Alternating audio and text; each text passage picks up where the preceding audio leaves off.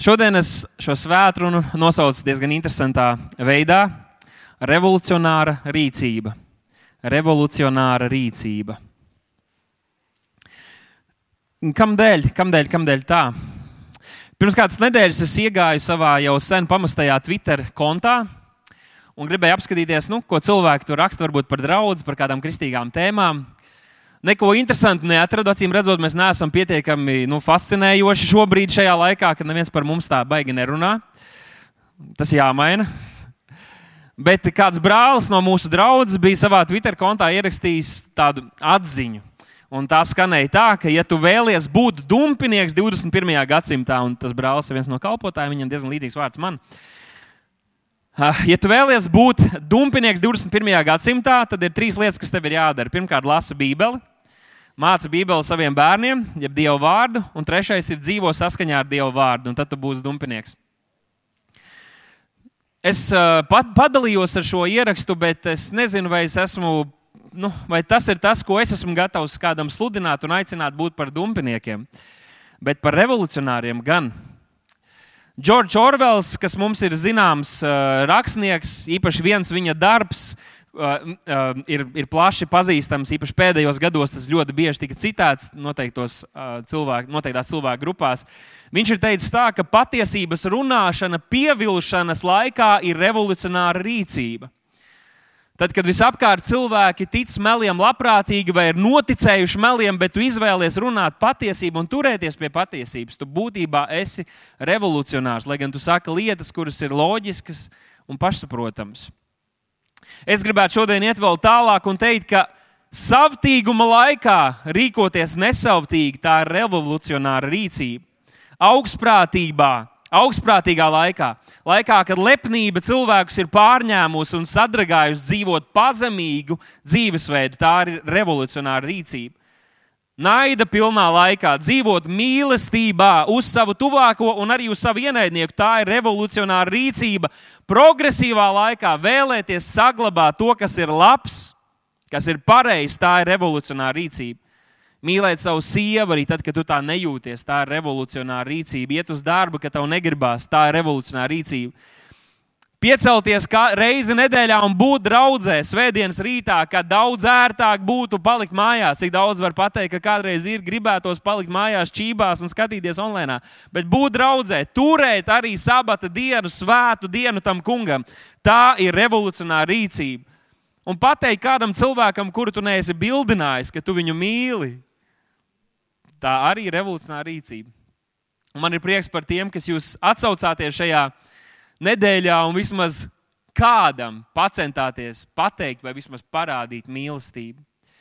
Šodien es gribētu, lai mēs mazliet padomātu par to, kā būt revolucionāriem 21. gadsimtā un mācītos tādi būt. Jo es zinu, ka tas ir kristīgās dzīves aicinājums. Tas ir tas aicinājums, ar kādu Dievs mūs ir aicinājis Jēzu Kristu.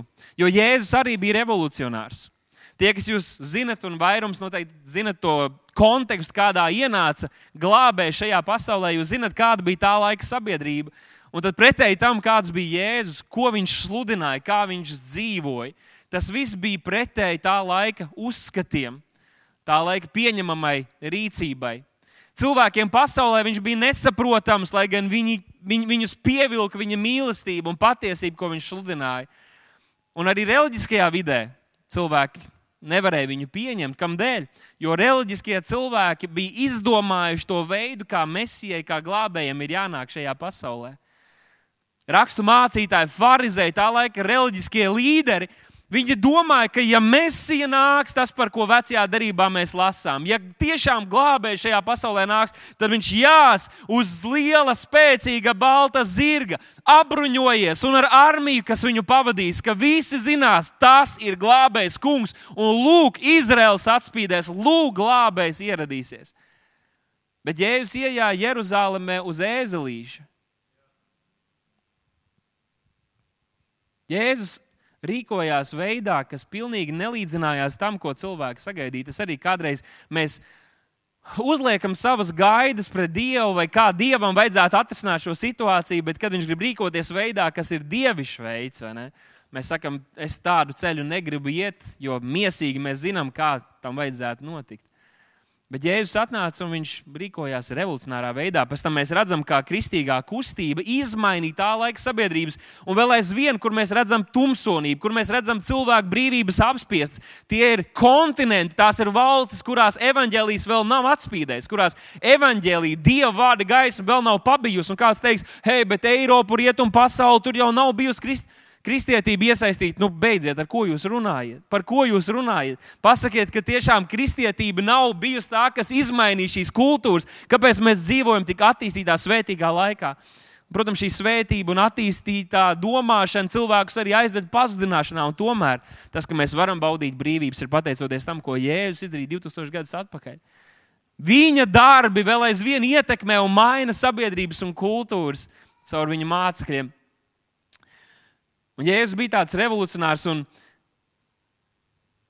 kādu dienu viņš, kad viņš tika nodots, viņš stāvēja Poncijas Pilāta priekšā, un viņš tika nu, izprašņāts par dažādām lietām. Viņš jau pirms tam tur bija pazemots, un izsmiets un sagūstīts, bet tad viņš nonāca Poncijas Pilāta priekšā, un viņš bija ierēdnis, kurš bija atbildīgs par noteiktu reģionu. Tāda viņam bija vara no, no Romas. Un viņam tā saruna iet ļoti interesanti. Poncijas Pilārs prasa kaut kādas lietas, ko viņš ir padzirdējis, un Jēzus viņam atbild, bet ne tādā veidā, kā mēs gribētu, vai kā mēs, kā, kā, kā mēs būtu atbildējuši. Un tad 18. nodaļas, Jāņa Evanģelija 18. nodaļas 37. pantā mēs redzam, ka šis Poncijas Pilārs prasa, tad tu tomēr esi ķēniņš, nu pasaki, tu esi ķēniņš vai nē, un Jēzus saka, Tu saki patiesību, tagad tu runā patiesību. Es tiešām esmu ķēniņš.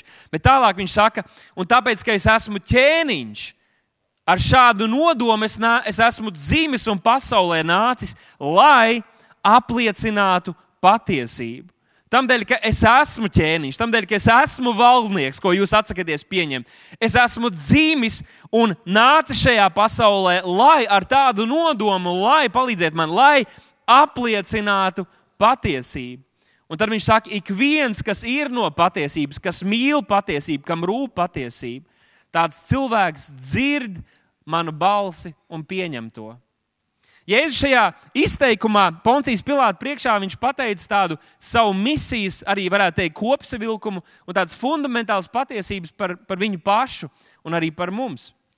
Jēzus ienāca šajā pasaulē, lai apliecinātu patiesību, lai apzīmogotu patiesību, ka tā patiesi ir patiesība, ka patiesība ir, ka patiesība nav nu, subjektīva lieta. Ka patiesība nav kaut kas, kur mēs varam katrs teikt, es domāju tā, es domāju tā. Nē, viņš teica, es atnācu, lai apliecinātu to, kas ir patiesa, un ik viens, kurš mīl patiesību, pasakā, mīl patiesību.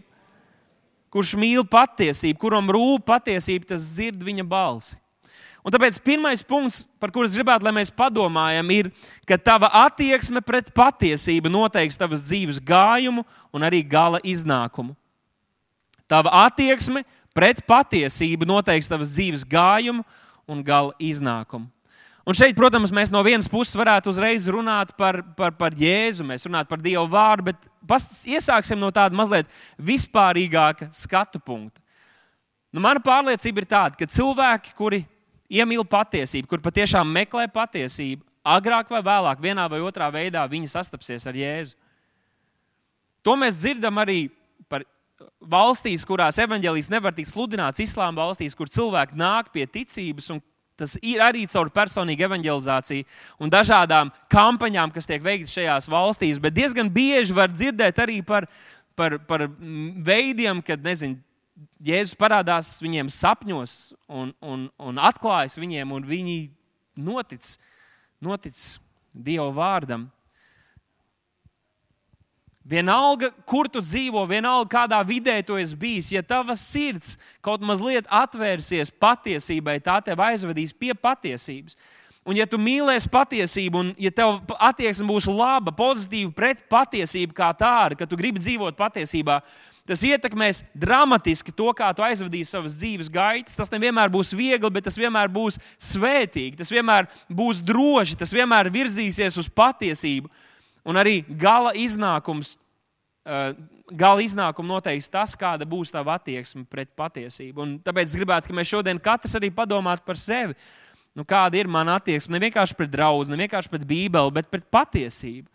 Vai mēs mīlam patiesību, vai mēs uh, tiecamies būt patiesi savā starpā, paši pret sevi, uh, vai mēs vai mēs mīlam patiesību. Jo, ja tu nemīli patiesību, tu pretosies arī Kristum un pretosies glābšanai, un pat draudzē esot, tu noraidīsi Dieva vārdu patiesības. Bet, ja tu mīli patiesību, tad tu agrāk vai vēlāk pieņemsi to, ko Dieva vārds saka, un arī glābšana un Dieva balva nāks tavā dzīvēm. Jūs noteikti esat dzirdējuši par to, cik viegli un cik patīkami ir dzīvot patiesībā, būt patiesam cilvēkam. Un mūsu sabiedrībā pēdējo gadu laikā tas ir arī aktīvi sludināts. Tādā ziņā labi, ka tā, un cerams, ka tas arī strādā, lai cilvēki nāktu pie Kristus. Bet nu, es domāju, kādi ir tie ieguvumi. Pirmkārt, jau tas, ka Tu vari dzīvot brīvi, ja tu nemelo, ja tu runā patiesību, ja tu esi patiesa, tad tu vari dzīvot brīvi, brīvs, tad eh, nemieris un stress un, un viss šīs lietas nevar tevi nu, verdzināt. Pareizi ir, ir cilvēki, kas, kas ļoti pārdzīvo par šiem simptomiem. Ja man ir nemieris, stress, es nevaru gulēt. Bet tad paskaties uz savu dzīvi. Iespējams, ka tu nepārtraukti dzīvo vieglos vai tādos melos, tur kaut kur piemelo, tur kaut ko paslēp. Un tu pats rādi sevī šo iekšējo sajūtu, ka tā patiesība nākt gaismā. Un kā gan lai miers būtu pēc tam tevī? Vai kristieši tā var rīkoties? Jā, pavisam noteikti. Es atceros, kad es biju pusauģis gados un bija, man bija vasaras atvaļinājums. Uh, no skolas tas ir. Un, un vecāki, vecākiem bija jādodas uz darbu. Bet uh, es biju iesācis tādu negatīvu paradumu. Es atradu kaut kādās vecajās, jo maki un tā teica, visu bija labi paslēpts. Bet kādās atvilknēs un kādās vecajās drēbēs, mēteļos, kādu kapeiku varēja atrast. Uh, Un tad es, es, es, es tā kā viņi aizbrauc, tad es nodarbojos ar izmeklēšanu, meklēju visās, visās atvilknēs, visur meklēju kaut kādas kapeikas. Ziņa, tu atrod 20 centimetrus. Tajā laikā es kādu pusstundu varēju aiziet uz datorzāli un spēlēt kontrastraiku un tam līdzīgas lietas. Un tad bija interesanti, ka kādu laiku es diezgan mierīgi to darīju, bet tad, laikam, vecāki saprata, ka es kaut ko tādu daru. Un tad bija vienreiz tāda situācija, kad es atkal biju atradis kaut kādas kapeikas, aizgāju uz datorzāli Bet uh, teica, vai mamma, bet kāds no viņiem atbrauc ātrāk mājās. Viņa aizbrauc, tad pēc kāda laika viņa atbrauc mājās ātrāk un reāli aizgāja un izvilka man ārā no tās datorzāles. Un es tādu kliedzu, draugi, pabeidziet spēli. Tādā veidā. Bet, nu, kad tu pārkāp noteikumus, kad tu melo vieniem un otriem, tad tu rādi sevī šo trauksmu, stresu, bailes. Uh, Nu, vēl viens iegūms ir tas, ka tev nav vajadzīga laba atmiņa. Ja tu dzīvo patiesībā, tev nav vajadzīga laba atmiņa. Cik daudz piekritīs, vai ne? tev, tev nav jāatcerās, kam tu ko esi stāstījis. Zini, kā tu vienreiz satiecies ar kādiem cilvēkiem, tu iepazīsties, lai atstātu labu iespēju, tu tur sastāstīsi zilos brīnumus. Ja? Un tad pēc kāda laika jūs tiekaties, un tev, ja tu neesi pierakstījis, tu nezini, ko tu viņiem par sevi sastāstīji. Kāds tur ir varonis, cik tev labi iet biznesā, cik jūs ļoti viens otru mīlat. Ja? Un, Un, un, jā, un tad atkal, kam tu ko esi pastāstījis? Un tas notiek arī pavisam tādās mazās lietās. Ne jau ka mēs visi tur tīšām melojam, bet kādreiz gribās, lai labāk par tevi domā, un tu vienkārši pasaki citādāk nekā patiesībā ir.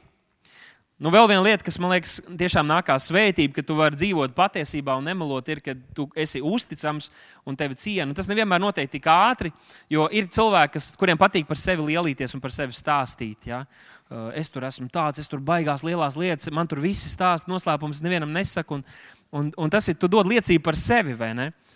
Bet, ja tu esi uzticams, tad palēnām tā slāva izpaudīsies. Un tev pašam par to nemaz nav jāsaka. Kad, kad kaut kas, kas tev ir pateicis, vai ko tu esi atrasinājis, un kad, kad tu to esi paglabājis pie sevis, un, un tas veido arī cieņu pret cilvēku, ka tu rīkojies, pat ja tev pašam sāp un apkārtējiem sāp, bet tu rīkojies saskaņā ar patiesību, uh, Uh, ir grūti necienīt tādu cilvēku. Es domāju, ka jūs man piekritīsiet.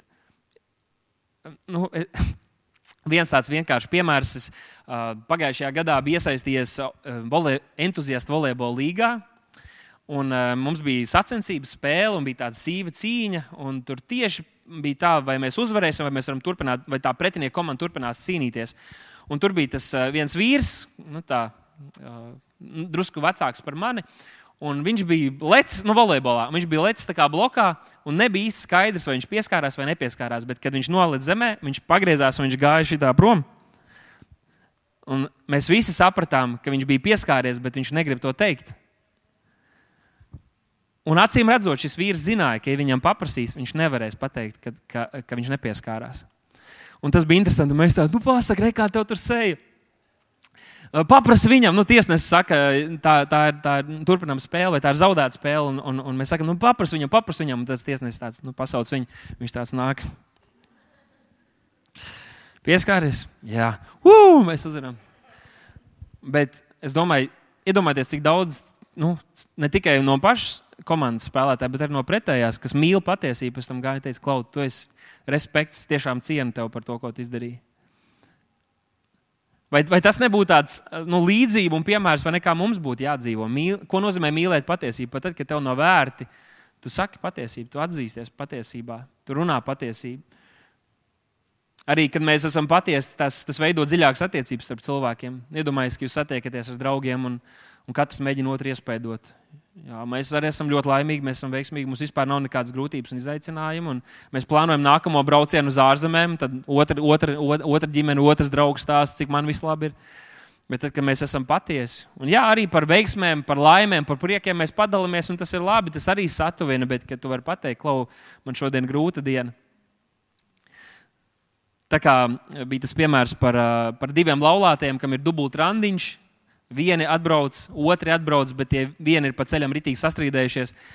Un, tā vietā, lai aizietu tur pie galda un, un, un izliktos, kā nekas nebija, un, un jums, jūs kādreiz tā esat darījuši, gan jau vai draugu starpā, vai citādāk, kā aizbrauc uz to pasākumu, saka, ah, man uh, izliekās, ka viss būtu labi, tad smaida viens otru sejā, pat samīļo, sabučo, bet kad atvadās no draugiem, tad atkal izskapts ārā, jā, zobeni ārā, nu cīnāmies tālāk. Kur cik svētīgi tas būtu bijis, vai ne? Kad tu aizbrauc un pasaki, ka mums šodien negāja pārāk labi, mēs tam mazliet sastrīdējāmies pa ceļam, un tā otra ģimene vai otrs draugs, ar ko jūs tiekaties, viņi saka, hei, mēs arī tieši tikko sastrīdējāmies, par ko jūs strīdējāties? Mēs par to. Un tajā brīdī tu saproti, ka jūs neesat nu, vieni paši tādi, kas nespēj tikt galā, bet arī, nu, un man liekas, ka tā ir tāda mīlestība, ko mēs draudzē varam izjust, kad mēs esam patiesi, ka mēs atklājam un saprotam, ka mēs neesam vienīgie, kam ir izaicinājumi, kas cīnās kaut ko, kas netiek ar kaut ko galā. Jo es aizēju uz mazo grupu, vai pat un brālis pasakā, ka man arī grūti ar to ir. Es zinu, kā es to uzvarēju, zinu, kā es ar to tiku galā, un tas tev iedrošina un svētī. Un tā tad jautājums ir par mūsu attieksmi, mūsu attieksmi. Jo, ja tev ir prieks par patiesību, tad tā jau ir tava attieksme. Tev ir laba attieksme, tu, tu pozitīvi izturies, tu pa, pozitīvi reaģē uz, uz patiesību, un tas atnes tavā sirdī prieku. Pagājušajā svētdienā mēs pieskārāmies mīlestības tēmai. Tad 1. korintiešiem 13.6 ir rakstīts, ka mīlestība nepriecājas par netaisnību, bet priecājas par patiesību. Mīlestība un dievišķā mīlestība ir izlieta mūsos, tad tā mūs vadīs, lai mēs priecātos par visu, kas ir patiesa, arī pat ja tas sāp. Un lai mēs nepriecātos par meliem, mēs skumstam par meliem, mēs skumstam, kad, kad cilvēki tiek apkrāpti vai kad, mēs, kad cilvēki tiek pievilti. Un vēstulē ebrejiem 1. nodaļā, 9. pantā, tur attiecībā uz mūsu kungu un glābēju Jēzu Kristu ir rakstīts, ka viņš ir mīlējis taisnību un ienīdis netaisnību. Un sanāk, ka šī raksturvieta saka, tāpēc Dievs Tavs Dievs ir svaidījis tevi ar prieka eļu vairāk par taviem biedriem. Kādēļ Kristus bija svaidīts ar šo prieka eļu? Tādēļ, ka viņš jau no paša sākuma izvēlējās, un tas pat nebija, uz, tur, viņš neizgāja uz jautājumu, kā, kā būs šajā reizē, kā būs citā reizē, bet viņš bija izvēl, izvēlējies, un tā ir viņa būtība, ka viņš mīl patiesību, viņš mīl taisnību un ienīst netaisnību. Ja tu gribi, lai tava dzīve ir piepildīta ar prieka eļļu, lai tavā dzīvē ir prieks un miers un visas šīs brīnišķīgās lietas, ko Dieva vārds mums saka, tad atslēga vai viena no atslēgām ir mācies mīlēt patiesību un ienīst netaisnību. Nevis tos, kas netaisnību dara, nevis tos, kas netaisnību saka, bet pašu netaisnību kā tādu, visur, kur to ar to sastopies. Mīlēt patiesību un ienīst netaisnību. Jo tava attieksme pret patiesību noteiks tavas dzīves gājumu un gala iznākumu. Pāvils otrajā vēstulē Thessaloniķiešiem viņš runā un raksta par pēdējām dienām, kad Kristus nāks pakaļ savai draudzēji un par tiesu, kas arī notiks. Un tad viņš desmitajā pantā saka, tāpēc Dievs tagad sūta tiem maldu varu, ka tie sāk ticēt meliem, tā ka sodā krīt visi, kas, lasam kopā, kas nav ticējuši patiesībai, bet vairāk ir mīlējuši netaisnību. Un tāda Bībele mums iezīmē šīs divas cilvēku grupas. Vieni, kuri mīl patiesību, kuri meklē patiesību, kas vēlas atzīt patiesību, un otri, kuri to noraida, kuri ienīst patiesību un labāk vēlas ticēt un pieņemt melus. Jāņa evanģēlīja 8. nodaļā Jēzus teica, ja jūs paliekat manos vārdos, jūs patiesi esat mani mācekļi. Atkal, ja tu, mīli, ja tu saki, ka tu mīli Jēzu, bet tu netur viņu vārdus, tad tu pats sevi pievīlis ar šo domu, ka tu esi Jēzus māceklis. Bet tad viņš saka, un jūs atzīsiet patiesību, un patiesība darīs jūs brīvus. Ja jūs turēsiet manus vārdus, ja jūs paliksiet manos vārdos, un mani vārdi paliks jūsos, Jēzus saka, tad jūs atzīsiet patiesību. Ja mēs noraidām Dieva vārdu, mēs noraidām visu, kas patiesa, mēs nevaram to atzīt. Kādreiz pie atziņas noved process, ka tu ilgstoši esi pakļauts patiesības dzirdēšanai vai lasīšanai. Nevienmēr mēs uzreiz tā saprotam. Atcerieties, kā tas bija skolā, kad, piemēram, matemātikā, pamatskolā, vidusskolā, vienalga, kad skolotāji tev saka, un saka, un saka, un māca, un strādā, un strādā, un tu it kā nesaproti. Līdz tā spuldzīte iedegās, un pēkšņi tu saproti, un uzreiz tu vari pielietot šīs zināšanas. Nevienmēr tas ir tā, ka tu pirmo reizi dzirdi un uzreiz to atzīsti. Kādreiz tas ir process, un Jēzus saka, ja jūs paliksit manos vārdos, un mani vārdi paliks jūsos, tad jūs atzīsiet patiesību, jūs atzīsiet visu to, kas ir patiesa. Un šī patiesība, ko jūs atzīsiet, jūs atbrīvos. Jūs darīs brīvu. Un tā kā no vienas puses mēs varam teikt, jā, ja tu atzīsi patiesību, tad tu būsi brīvs, un tā ir patiesība.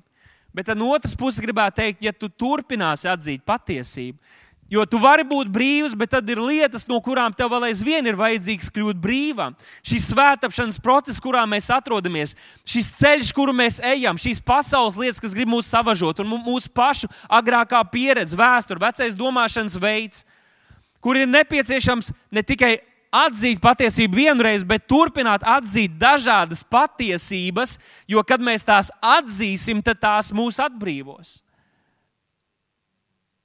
Es vēlreiz gribu pateikt, atzīt patiesību nenozīmē tikai izlasīt vai dzirdēt, ka tā ir, bet atzīt nozīmē turēt, sargāt vērtēt vārdu, vērtēt patiesību, ko tu dzirdi, līdz tu to atzīsti, ka tev iedegas spuldzīte un tu ieraugi, ka tā ir patiesība patiesa arī tavā dzīvē, un tad tas izmaina to, kā tu vari to pielietot. Vāžas krīt ne tikai aizlūgšanā, bet arī patiesībā, kad Dieva vārds tiek sludināts. Tādēļ viens no tām attēliem, kādas tur savā prātā, kas pravietiski arī tika runāts par manu kalpošanu un dzīvi, ka tad, kad es sludināšu Dieva vārdu, cilvēkiem vāžas tiks pārcirstas un, vā, un vāžas kritīs un viņi iegūs brīvību. Es varu aizlūgt par tevi arī, bet arī Dieva vārdu sludināšana ir brīvības kalpošana. Un tāpēc šodien atļauj, lai Svētais Gars tev atklāja viņa vārdu, Dieva vārdu, un tevi atbrīvo. Jo mums katram ir vajadzība pēc šīs, pēc šīs patiesības to atzīt un piedzīvot.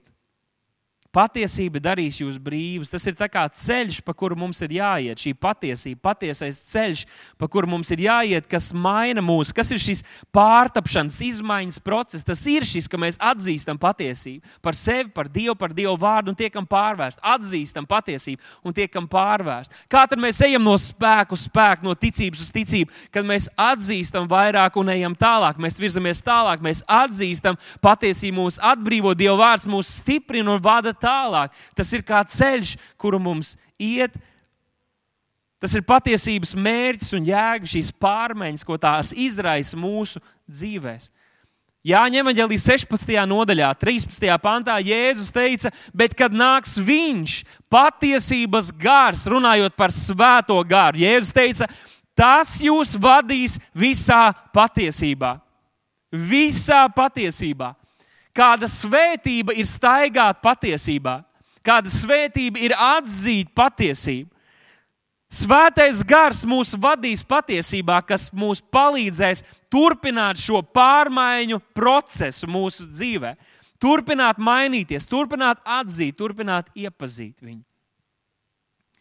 Kā tas izpaužās manā dzīvē? Pavisam vienkārši. Es esmu atzinis Kristu un es esmu glābts. Bet tad ir tik daudz lietas, kur manā ikdienā svētais gars mani vada patiesībā. Mēs varā, es varētu jums stāstīt par, par, par, par savu ģimeni, par attiecībām ar sievu, attiecībām uz, ar bērniem, par savu darba vietu, par, par veidiem, kā es cenšos būt par gaismu, liecināt, evanģelizēt. Un tur visur es nepārtraukti cenšos runāt patiesību, bet palikt staigāt patiesībā. Un tas nozīmē, ka man ik pa laikam nākas ieskatīties patiesībai acīs hei, tas nebija pareizi, tas nebija labi, to vajag darīt citādāk, tas bija neauglīgi, tur vajag to mainīt. Un jo vairāk es spēju atzīt patiesību, arī kas ir sāpīgi kādreiz, jo vairāk es varu atzīt patiesību, kas ir svētīga, kas nāk par labu un kas maina mūs. Tas ir veids, kā mēs kļūstam viņam līdzīgāk, atzīstot patiesību. Un tāpēc šodien es prasu tev, un katrs mēs varam uzdot sev jautājumu, vai tu esi cilvēks, kurš ne tikai tu saki, ka tu mīli Jēzu, bet kurš tu mīli patiesību. Kas tu centies dzīvot patiesībā, būt patiesa Dieva priekšā un būt patiesa arī cilvēku, ar cilvēkiem. Iedomājieties, cik muļķīgi ir, kad mēs kādreiz Dievu priekšā sakam tās no, no, nopulētās lūgšanas, it kā mēs viņu varētu piemānīt. Ja?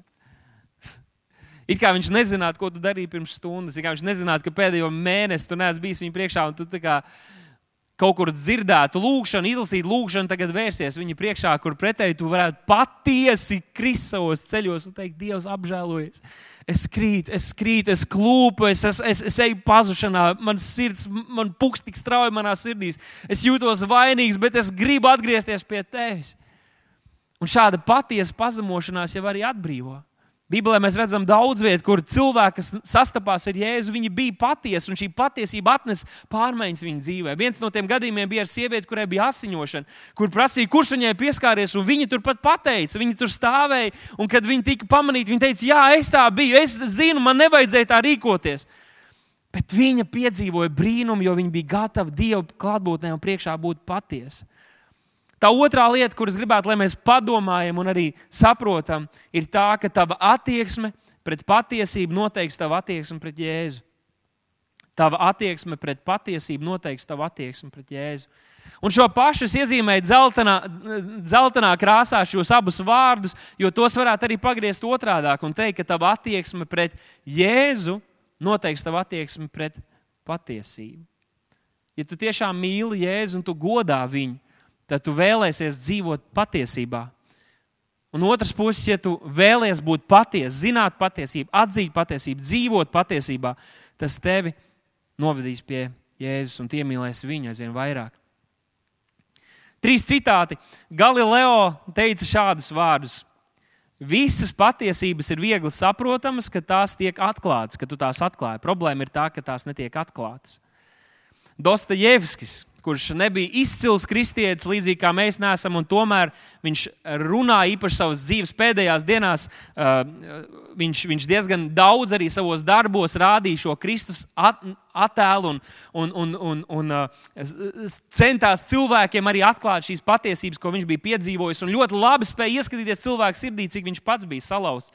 Viņš rakstīja tā: pāri visam nemelo sev, nemelo sev, nemāni sevi Cilvēks, kurš melo sev un ieklausās savos paša melos, nonāk vietā, kad vairs nevar atšķirt to, kas ir patiesība sevī un arī viņam apkārt. Un tāpēc šāds cilvēks pazaudē visu cieņu pret sevi un arī citiem cilvēkiem. Un kad cieņa ir pazaudēta, viņš pārstāja mīlēt.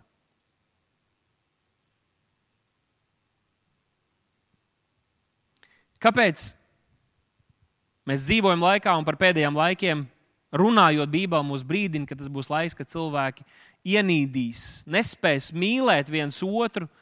Tas ir tādēļ, ka cilvēki ir pieraduši dzīvot melos, noticējuši meliem, vairs nezina, kas ir patiesība. Kā rezultātā, kā rezultātā viņi ir pazaudējuši cieņu gan pret sevi, gan pret citiem. Un, ja Bībele mums saka, lai mēs mīlam citus tā, kā mēs mīlam sevi, kā tu vari citus mīlēt, kad tu nemīli sevi? Kā tu vari iemīlēt sevi vai aiziet uz kādu kursu, kur tev teiks, cik tu esi brīnišķīgs, cik tu esi laimīgs, cik tu esi svētīgs? Nē. Mēs iemīlam sevi, kad mēs ieraugam sevi, kā Dievs mūs ir radījis. Kad mēs ieraugam, ko Dieva vārds saka par mums, tad mēs varam patiesi, dievbijīgi mīlēt sevi, un tad mēs arī spēsim mīlēt citus. Un pēdējais citāts ir no Mārtiņa Lutera, kurš teica, mieru, ja iespējams, bet patiesību par katru cenu. Bībeli saka, cik tas ir iespējams no savas puses turēt mieru ar visiem cilvēkiem. Bet patiesība gan nav jautājums, kur mēs varam iet uz kompromisu. Ne tikai draudzē, bet savā dzīvē. Mums ir pienākums dzīvot patiesas dzīves, jo tas parādīs, ka mēs patiesi mīlam Dievu. Bet šis Poncijas Pilārs sarunā ar Jēzu, kad Jēzus saka, es esmu nācis atklāt patiesību, un tie, kas ir no patiesības, tie pieņem man vā, manas vārdus. Tad Pilārs uzdeva viņam jautājumu, ko šodien arī mūsu sabiedrība uzdod. Un Pilārs viņam teica, kas ir patiesība? Pilārs skatās uz Jēzu un prasa, kas ir patiesība. Un kas mēs zinām arī šo kontekstu par pašu Pilātu un zinām, kā, kā vēsturnieki apraksta šo notikumu, ka viņš bija cilvēks, kurš bija nonācis šādā nu, valdīšanas varas pozīcijā, bet viņš labprāt darīja lietas, kuras uh, viņam sagādāja prieku. Viņš bija līdzīgs arī tādam kā jūras zāle. Vienu brīdi viņš grib izpatikt cilvēkiem, nākamajā brīdī viņš tur dara lietas, lai pazemotu citus, pazemotu reliģiskos jūdus. Kā rezultātā viņam radās tāds spiediens, ka viņam vajadzēja paklausīt viņiem. Tagad citādi viņš baidījās, ka viņi sacelsies pret viņu un viņš pazaudēs savu ērto pozīciju. Bet šeit mēs redzam, ka Pilārs acīm redzot, nesaprot un nezina, kas ir patiesība. Un arī cilvēki mums līdzās to nesaprot. Vai patiesība ir relatīva, vai tas ir mans viedoklis, tavs viedoklis, kā mēs nosakām, kas ir labs, kas ir slikts.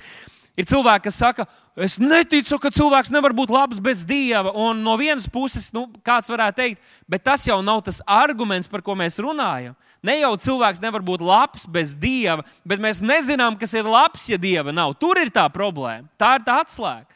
Kā mēs varam pateikt, šis ir labs, šis ir slikts, šādi rīkoties ir labi, šādi rīkoties slikti, ja nav viens morāls eh, devējs? Ja nav kāds, kurš ir viss labais, ar ko mēs varam salīdzināt un pēc kā mēs varam spriest. Cilvēki pasaulē bieži izvēlēsies argumentus un gribēs, lai tu argumentē ar viņiem par lietām, kuras mēs nemaz neapgalvojam. Un mēs varam iztērēt laiku tā, bet skatīsimies, kas ir esence tiem jautājumiem un tām problēmām, par kurām mēs gribam runāt. Jāņa evanģēlī 14. nodaļā, 6. pantā, Jēzus pateica vārdus, ko mācītājs pirms kāda laika arī ļoti spēcīgi mums atklāja, kur Jēzus saka, es esmu ceļš, patiesība un dzīvība. Neviens netiek pie tēva kā viens caur mani. Un šajā raksturvietā Jēzus ne tikai runā par patiesību, viņš izsaka, un ne viņš tikai pasaka, ka viņš ir patiesība, bet viņš pasaka vairākus patiesības apgalvojumus. Pirmkārt, viņš saka, es esmu, viņš saka, es esmu Dievs. Es esmu tas, ko jūs meklējat. Es esmu tas, ko, ko Dievs ir sūtījis šajā pasaulē. Es esmu tas, kas vienīgais var būt šis jūsu glābējs un mesija, ko jūs gaidat. Bet tad viņš saka, es esmu patiesība. Es esmu patiesība. Un kāds teiks, Ew, Jēzus tā nevarēja teikt. Uh, tā ir vienīgā raksturvieta. Izrauja raksturvietas no konteksta. Tas nozīmē kaut ko citu. Šajā nedēļā es veicu pētījumu. Es pētīju, studēju Bībeles, skatījos visu, kur vien kaut kas runāts par taisnību vai patiesību. Un jūs neticēsiet, Bībelē nekur citur nekas cits nav nosaukts par patiesību. Kā vienīgi Dieva vārds, Dieva spriedumi, viņa likumi un baušļi, un tad Jēzus atnāk un saka, es esmu patiesība. Dieva vārds, Dieva likumi, baušļi, Dieva spriedumi, un Jēzus atnāk un saka, es esmu Dieva vārds, es esmu Dieva spriedumi, un es esmu Dieva likumi un Dieva bausli. Es redzu, ka jūs neesat iespaidoti. Jāņem evanģēlī pirmajā nodaļā rakstīts: Vārds tapa miesa. Tagad saliec kopā, viens plus viens ir divi. Dieva vārds ir patiesība, Dieva spriedumi ir patiesība, Dieva likums ir patiesība. Dieva vārds tapa miesa, mājoja mūsu vidū. Un tad šis vārds, kas tapa miesa, nostājās cilvēku priekšā un teica: Draugi, es esmu patiesība. Un ja jūs neticēsiet patiesībai, jūs nenonāksiet pie tēva. Kāpēc ir svarīgi, lai mēs mīlam patiesību? Jo Jēzus ir patiesība. Jēzus ir visa patiesā esence, Dievs ir visa patiesā esence. Protams, vai viņš ir, vai, vai, vai viņš ir patiesībā attiecībā uz to, vai makaroni ir neveselīgi vai veselīgi. Tur jūs varat spriest, un Dievs jums dos gudrību, ja jūs mīlēsiet patiesību, jūs uzzināsiet un atklāsiet. Bet visa pamatā, visas patiesības esence ir Dievs un Dieva vārds. Kas ir patiesība? Kāda patiesība ir svarīga mums atklāt? Pirmkārt, kas ir Dievs? Tā ir svarīga patiesība, ne? Kas ir Dievs? Kāds viņš ir? Otrakārt, patiesība par mums. Dieva vārds mums atklāja patiesību par mums, kas ir būtiski, ka mēs to atklājam, ka mēs to saprotam. Cik daudz mēs arī bijām lepni cilvēki, kas mēs domājam, ka mums nekāda glābēja nevajag, ka mēs paši ar visu tiekam galā, līdz Dieva vārds mūs nolika uz ceļiem, aizbāza mūsu mutu, un mēs sapratām, ka mēs esam grēkojuši svēt Dievu priekšā, ka mēs esam salauzti, nepilnīgi cilvēki. Un šī patiesība mūs atbrīvoja. Šī patiesība, kad mēs atklājām, kas mēs esam, kāda mēs esam, kādā vietā mēs atrodamies, kas mūs sagaida, mūs atbrīvoja atsaukties evaņģēlīgai gaismai patiesība par to, kas, kas stāv mūsu priekšā, kas mūs sagaida, patiesība. Efeziešu vēstules 4. nodaļā, 20. pantā rakstīts, bet tā jūs Kristu Jēzu nesat mācījušies. Jūs par viņu esat dzirdējuši un mācījušies, ka patiesība ir Jēzu. Un šīs raksturvietas kontekstā es gribētu jums parādīt, ka Jēzus ir patiesība, patiesība ir Jēzu. Un šeit Pāvils parāda, ka tam dēļ, ka patiesība ir Jēzu, tas jūsu dzīvēs kaut ko maina un tas izraisīs pārmaiņas jūsu dzīvēs. Ne vienkārši ir labi zināt, ka viņš ir patiesība un ka viņā ir patiesība, bet tam dēļ, ka jūs atzīstat patiesību, viņš ir patiesība un viņā ir patiesība, tad jūsu dzīves arī mainīsies ka līdz ar agrākās dzīvesveidu jums jāatmet vecais cilvēks, kas savu kārību pievilciet bojā, un jāatjaunojas savā sirdsprātā, savā prātā, apģērbot jauno cilvēku, kas ir radīts pēc dieva patiesā taisnībā un svētumā. Halleluja! Kad mēs atzīstam patiesību, kad mēs sastopamies ar patiesību, tad šī patiesība vienmēr izprovocēs mūsos pārmaiņas un mūsos rīcību. Atcerieties, ticība bez darbiem ir nedzīva. Bet ko mums ir jādara ar patiesību? Es zinu, kas tas daudz ir patiesība, patiesība, patiesība. patiesība. Bet ko mums ir jādara ar patiesību? Es veicu arī ļoti dziļu izpēti Bībelē, un mums ir gandrīz viss jādara, uh, jādara ar patiesībā un ar patiesību. Pilnīgi tā kā mēs varētu aizstāt Bībeles tekstu, kur rakstīts ticībā, un varētu ielikt tur vārdu patiesībā. Taisnais nav ticības dzīvo, es ticu, bet vai tu dzīvo patiesībā? Vai tu esi patiess, vai tu runā patiesību, vai tu gribi dzirdēt patiesību, vai tu priecājies par patiesību? Bībeli saka, ka mums ir jāatzīst patiesība, jāsargā patiesība, jāglabā patiesība, jārunā patiesība, jādara patiesība. Es varētu turpināt, turpināt. Pat jāapģērbj patiesība, draugi. Jādzīvo patiesībā, jāpielūdz patiesībā, jābūt patiesiem. Es ceru, ka jūs saprotat, ka šodien mēs runājam par to, ka mums ir jābūt patiesiem. Vēstulē romiešiem 1. nodaļā, 18. pantā, Pāvils mums atklāja un runā par cilvēci un cilvēkiem, kuri iet pazušanā. Viņš runā par pasauli. Un paskatīsimies, ar kādiem vārdiem viņš tos raksturo. Romiešiem 1,18 rakstīts, jo dieva dusmība no debesīm parādās pār visu cilvēku bezdievību un netaisnību, kas savā netaisnībā, savā nepatiesībā apslāpē patiesību. Kas raksturo cilvēci jau 2000 gadu garumā, un arī iepriekš cilvēkus, kuri negodā Dievu, kuri ienīst Dievu, kuri negrib neko kopīgi ar Dievu, atzīt savu radītāju, un kaut radītājs viņiem ir atklājies. Viņi savā bezdīvībā un netaisnībā apslāpē patiesību, un pēc mirkļa sapratīsiet, par ko šeit Bībelē runā. Viņi apslāpē patiesību, kura nav nekāda, uh, kas nav nekas sarežģīts. Ko Dievs viņiem ir atklājis, bet cilvēki izvēlas to apslāpēt, lai varētu turpināt dzīvot savos patīkamajos melos. 25. pantā viņš turpina, tāpēc, ka viņi dievišķo patiesību apmainījuši pret meliem. Dievišķo patiesību apmainījuši, cilvēki ir apmainījuši, apzināti vai neapzināti, apmainījuši pret meliem un sākuši dievināt un pielūgt radību, atstājot novārtā radītāju, kas ir augsti teicams mūžīgi Āmen.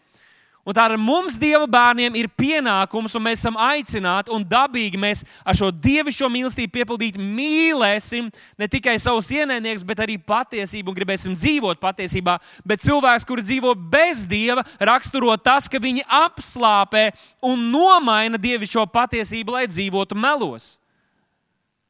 Šeit vēl viens izaicinājums un jautājums katram, kas, mūs, kas esat šeit, kas jūs esat, kas dzirdat šos vārdus vai patiesības apslāpēšana, vai nomainīšana, ja tie ir vārdi, kas var raksturot tevi, tad iespējams, ka tu arī esi ļoti bīstamā vietā. Dāvid, tu mums te draudi, nē, to dieva vārdu saka. Ar šādiem vārdiem tiek raksturoti cilvēki, kas ir bezdievi, kas apslāpē patiesību. Arī Pilārs bija cilvēks, kurš apslēpēja patiesību. Viņš prasa, kas ir patiesība, kad viņa priekšā stāv patiesība. Tāpēc kādās reizēs Jēzus pat īsti neatbildēja viņam tā, kā mums šķita, ka vajadzētu, jo viņš uzdeva jautājumus, kas bija acīm redzami. Kas ir patiesība? Jēzus saka.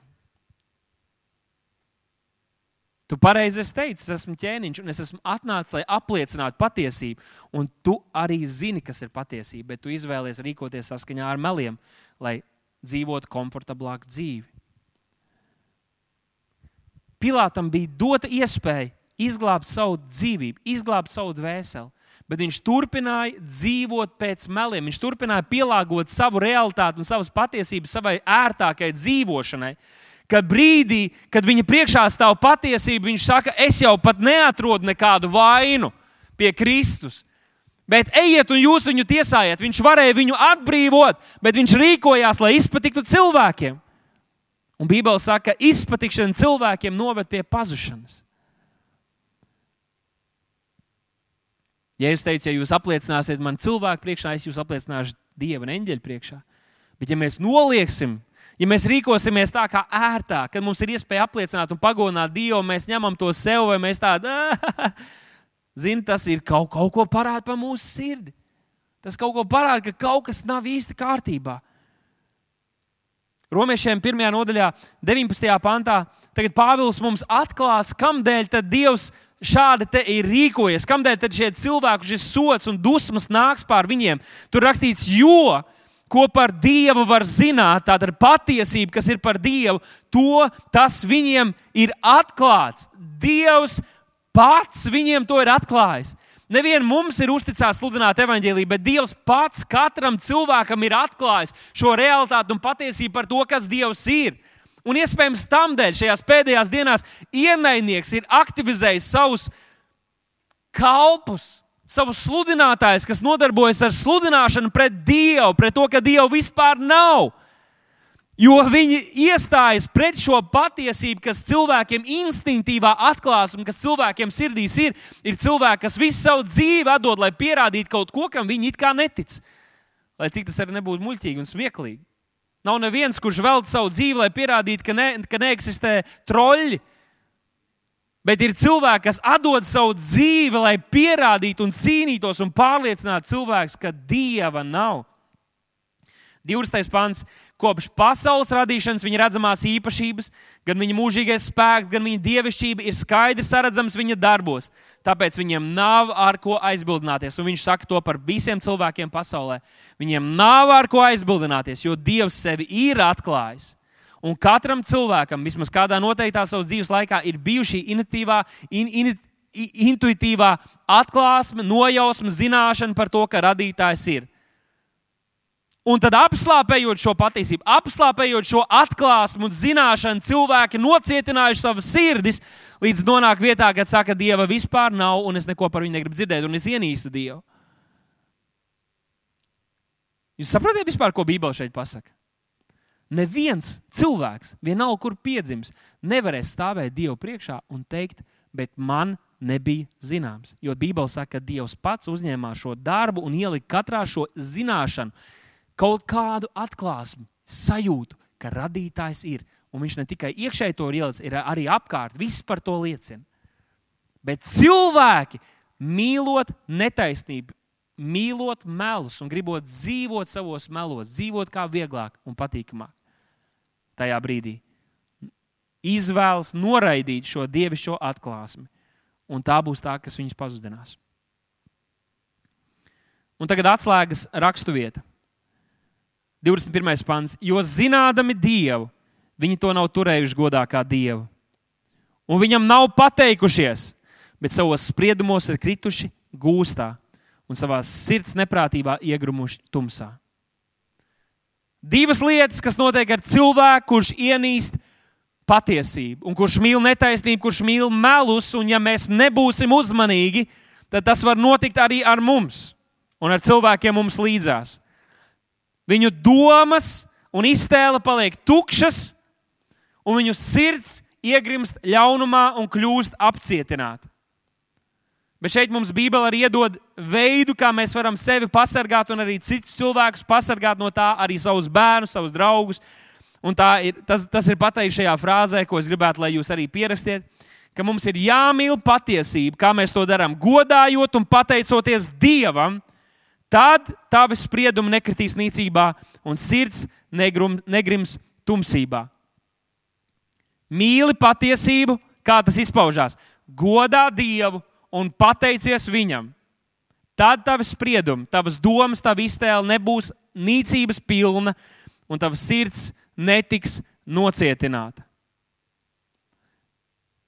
Ko nozīmē godāt Dievu? Ebrejiem, vēstulē ebrejiem mēs lasām par Mūzu, mēs lasām par Jēzu, kuri tās pasaules godības vietā raudzījās uz kaut ko vērtīgāku, raudzījās uz tevi, raudzījās uz debesu apsolījumiem, uz dieva prātu un dievišķo gribu, un tam dēļ turēja to, ka šajā pasaulē par mēsliem, par nevērtīgu, jo godāja vairāk dievu un viņa vārdu. Ko nozīmē godāt dievu? Tas nozīmē, tas nozīmē kalpot viņam, Tas nozīmē vērtēt viņa domas un viņa vārdu augstāk par visu, ko mēs jūtamies, kā mēs domājam, ko citi cilvēki domā. Mēs sakām, tu esi Dievs, un tev es gribu kalpot, un tev es gribu dzīvot. Kāds kalpotājs teica, ka, ja pat kāds ārsts izsaka diagnozi, kas tevi satrauc, kas atnesīs bailes un nāvi tavā dzīvē, ja tu turi augstāk dieva vārdu par ārsta vārdu savā dzīvē, tad tu nemirsi, bet tu dzīvosi. Ko nozīmē godāt Dievu? Godāt viņa vārdu. Godāt viņu vārdu arī tajos brīžos, kad cilvēki neredz, ko tu dari. Kad tu esi viens pats, kad tu varētu darīt lietas, kuras patiktu tavai miesai, bet kas, ko Dievs ienīst. Lūk, kā tu godā Dievu. Savā personīgajā laikā kad es tālu prom no citiem ticīgiem, kas varētu tevi iedrošināt un redzēt un novērot, ko tu dari. Kad tu saki, Dievs, pat šajos grūtajos apstākļos, un es zinu, ka man draud lauva bedri un citi cilvēki, kas grib pasmieties un ņirgāties un gribētu, lai, lai es piedzīvoju neveiksmi, bet es uzticēšos tavam vārdam, es palikšu patiesībā un es rīkošos saskaņā ar to. Tas ir, no, tas ir tas, ko nozīmē godāt Dievu. Bet pateikties Dievam, tas nav nekas pašsaprotams. Mums ir jāpieliek piepūle, lai mēs dzīvotu pateicībā. Tas prasa laiku, tas prasa piepūli, tas prasa, lai tu atcerētos. Ne vienkārši, ah, paldies, tev, Dievs, par dienu, ka mums bija ko šodien ēst, bet tu reāli domā, atceries lietas, ko Dievs ir darījis tavā dzīvē, ko darīs arī šajā dienā. Un tu esi pateicīgs viņam ne tikai vakarā, bet dzīvo savu dzīvi tā, dzīvo savu ikdienu tā, un tas piepildīs tavu dzīvi ar mīlestību uz patiesību. Ja tu godās Dievu un pateiksies viņam, tu mīlēsi patiesību. 69. psalmā rakstīts, es slavēšu Dievu vārdu ar dziesmu, godināšu viņu ar pateicību. Salikts tās kopā. 2. korintiešiem 4.15. Pāvils saka, jo viss tas notiek jūsu dēļ, lai žēlastība vairodamās pieaugot ticīgo skaitam, vairotu arī pateicību Dievam par godu. Kad mēs esam pateicīgi, mēs pagodinām Dievu. Tā ir patiesa Dieva godināšana. Būt pateicīgām sirdīm, atzīt viņu. Un šodien es gribētu noslēgt ar 50. psalmu. 50. psalmu, kurš pārmaiņas pēc nav Dāvida psalms, un tāpēc es kādu laiku cīnījos, vai tiešām viņu lietot, vai varbūt atrast kādu Dāvida psalmu. Bet šis ir Asafs. Un viņš bija viens no slavēšanas līderiem, vadītājiem, levītiem, kurus Dāvids, ķēniņš Dāvids bija, bija aicinājis, bija izredzējis kalpošanā, kā vadītāju, slavētāju vidū. Viņš bija tas, kurš arī gāja šķirstam pa priekšu, vadot, esot viens no vadītājiem, vadot pielūgsmē un slavā. Un tad šī, šī, šī nodaļa ir interesants tāds dialogs, kur pravieši vai cilvēki, dieva cilvēki apsūdz dieva tautu dievu priekšā, un tad dievs izsaka kaut kādas, uh, tiek izteikts arī sots vai spriedums pār tautu, un tad ir pārmetumi tautai, bet tie pārmetumi saistās ar to, ka tur ir cilvēki, ka tur ir ticīgie cilvēki, kuri izdara kaut kādus rituālus un izpilda kaut kādus likumus, bet viņu sirds nav tajā bet viņu sirds nav tajā. Viņi upurē, bet viņi neupurē ar pateicību. Viņi upurē, viņiem šķiet, ka tas ir tas, ko Dievs grib. Bet Dievs viņiem saka, klau, man pieder visi zvēri, man pieder viss šajā pasaulē. Man nevajag, lai jūs man tos upurus dodat, lai tu man tos zvērus kauj. Bet svarīga ir tava sirds, lai tu to dari, lai tas ir tavs pateicības upuris. Un ieskatīsimies, ko viņš tur mums atklāja, jo viņš mums parādīs arī, un mēs varēsim savilkt paralēlus ar to, kā var būt, ka mēs esam uh, atrodamies bīstamā vietā, ja šie vārdi runā par tevi un ļausim, lai svētais gars mums pārliecina. Tātad 14. pantā Asaps raksta: Nes dievam pateicību kā upuri. Un tā pild visaugstākiem savus solījumus. Tu esi solījis kalpotam kungam. Tu esi solījis dot un būt uzticams došanā. Dari to ar pateicību, citādi tās ir tā ar tukšību. Dari to ar pateicību, pienes to kā pateicības upuri, ieliec tajā savu sirdi. Viņš saka, un piesauc mani bēdu laikā. Tad es izglābšu tevi. Bet tev būs mani godāt. Ko tas nozīmē? Pateikties. Kā mēs godājam Dievu, mēs pateicamies Viņam. Mēs dzīvojam ar pateicīgām sirdīm. 16. pants. Bet bezdievim tas kungs saka, un ja tu esi šeit tāds, un kāds no šiem trāpīs, tad es, es lūdzu, ka svētais garš šos vārdus lieto, lai lai radītu tevī ticību un svētu neapmierinātību, ka tu pieteiktu karu un teiktu, nē, es negribu pat kristietis būdams dzīvot kā bezdievs. Un paskatieties, kas tur ir rakstīts. Bet bezdievim tas kungs saka, ko tu daudzini manus likumus, ko tu runā par manu vārdu un stāsti visiem apkārt, un ņem manu derību savā mutē. Ja tu ienīsti pamācību, un laid manus vārdus pār galvu. Ko tu stāsti visiem, ka tu esi Dieva bērns? Ko tu stāsti visiem? Kaut kāds raksturvietas, kas tev patīk, ja tu ienīsti, ka Dieva vārds ka tevi māca. Un tu palaidi pār galvu, kad konkrēti Dievs runā uz tevi, kas tev ir jāmaina, kur tev ir jāpaklaus. 18. pants. Kad tu redzi zagli, tu esi viņam par draugu, kad tu redzi, ka kāds kaut ko pārkāpt, jūs esat baigie čomaki. Ja? Tu biedrojies ar laulības pārkāpējiem, kur Pāvils saka, ja kāds saucas brālis, bet viņš dzīvo atklātā grēkā, tad tādu pat nevajag kopā ēst vai sveicināties. Tu biedrojies ar la laulības pārkāpējiem. Savai mutei tu ļauj vaļu, saka, ļauj vaļu. Savai mutei tu ļauj vaļu ļaunu runāt, un tava mēlē pauž melus. Tātad tāds cilvēks neienīs netaisnību. 20. pants. Tu sēdi un runā ļaunu pret savu brāli, tu apmelo savas mātes dēlu. Tā tu dari. Un kad es ciešu klusu, paskatieties, ko Dievs saka, un kad es ciešu klusu, tu domā, ka es esmu tāds pats. Tam ne, ka mēs dzīvojam žēlastības laikā, tam ne, ka tu esi dzirdējis, ka Dievs tevi mīl. Tu viegli prātīgi uztver viņa vārdu, tu viegli prātīgi uztver viņa pamācības. Tu viegli prātīgi uztver to, ka svētais gars saka, klau, nespēlējies ar šīm lietām, izmaini tās. Tu uztver viegli prātīgi, jo tu domā, ka Dievs ir tāds pats, kāds tu esi. Tu esi pārpratis Bībeles rakstīto. Mums ir jābūt tādiem, kāds Viņš ir. Mēs nevaram pārveidot Dievu savā līdzībā. Tu esi aizmirsis patiesību, tu esi ienīcis patiesību par to, kas Dievs ir, kas tu esi un ko Dievs ir izdarījis tavā dzīvē. Un 23. pāns. Bet kas pienes upurim pateicību, tātad kurš godā viņu, tas tur mani godā. Un tas ir tas ceļš, kā es tam rādīšu pestīšanu.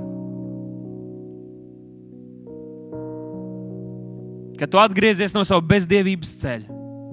Un pavisam konkrētās, specifiskās lietās, kurās Dievs tevi ir vadījis, ka tu saki, Dievs, es padodos tev un tavam vārdam. Palīdz man mainīties, palīdz man sekot tev, palīdz man būt vārdu darītājam un ne tikai klausītājam, ka es sevi nemaldinu. Tad tādā gadījumā Bībele saka, ka tad, kad mēs pienesam upurim pateicību, kad mēs pienesam mūsu Kristumu, mūsu svētiem Dieva jāram pateicību, tad mēs turam viņu godā. Tas nozīmē, ka mēs mīlam patiesību, mēs paliksim patiesībā. Un tas ir tas ceļš, kā Dievs mums parādīs savu pestīšanu. Kā Dievs parādīsies kā glābējs ne tikai mūžībā, bet arī šodien, katrā situācijā, kur atrodamies. Pienes upuru un pateicību un cel viņu godā.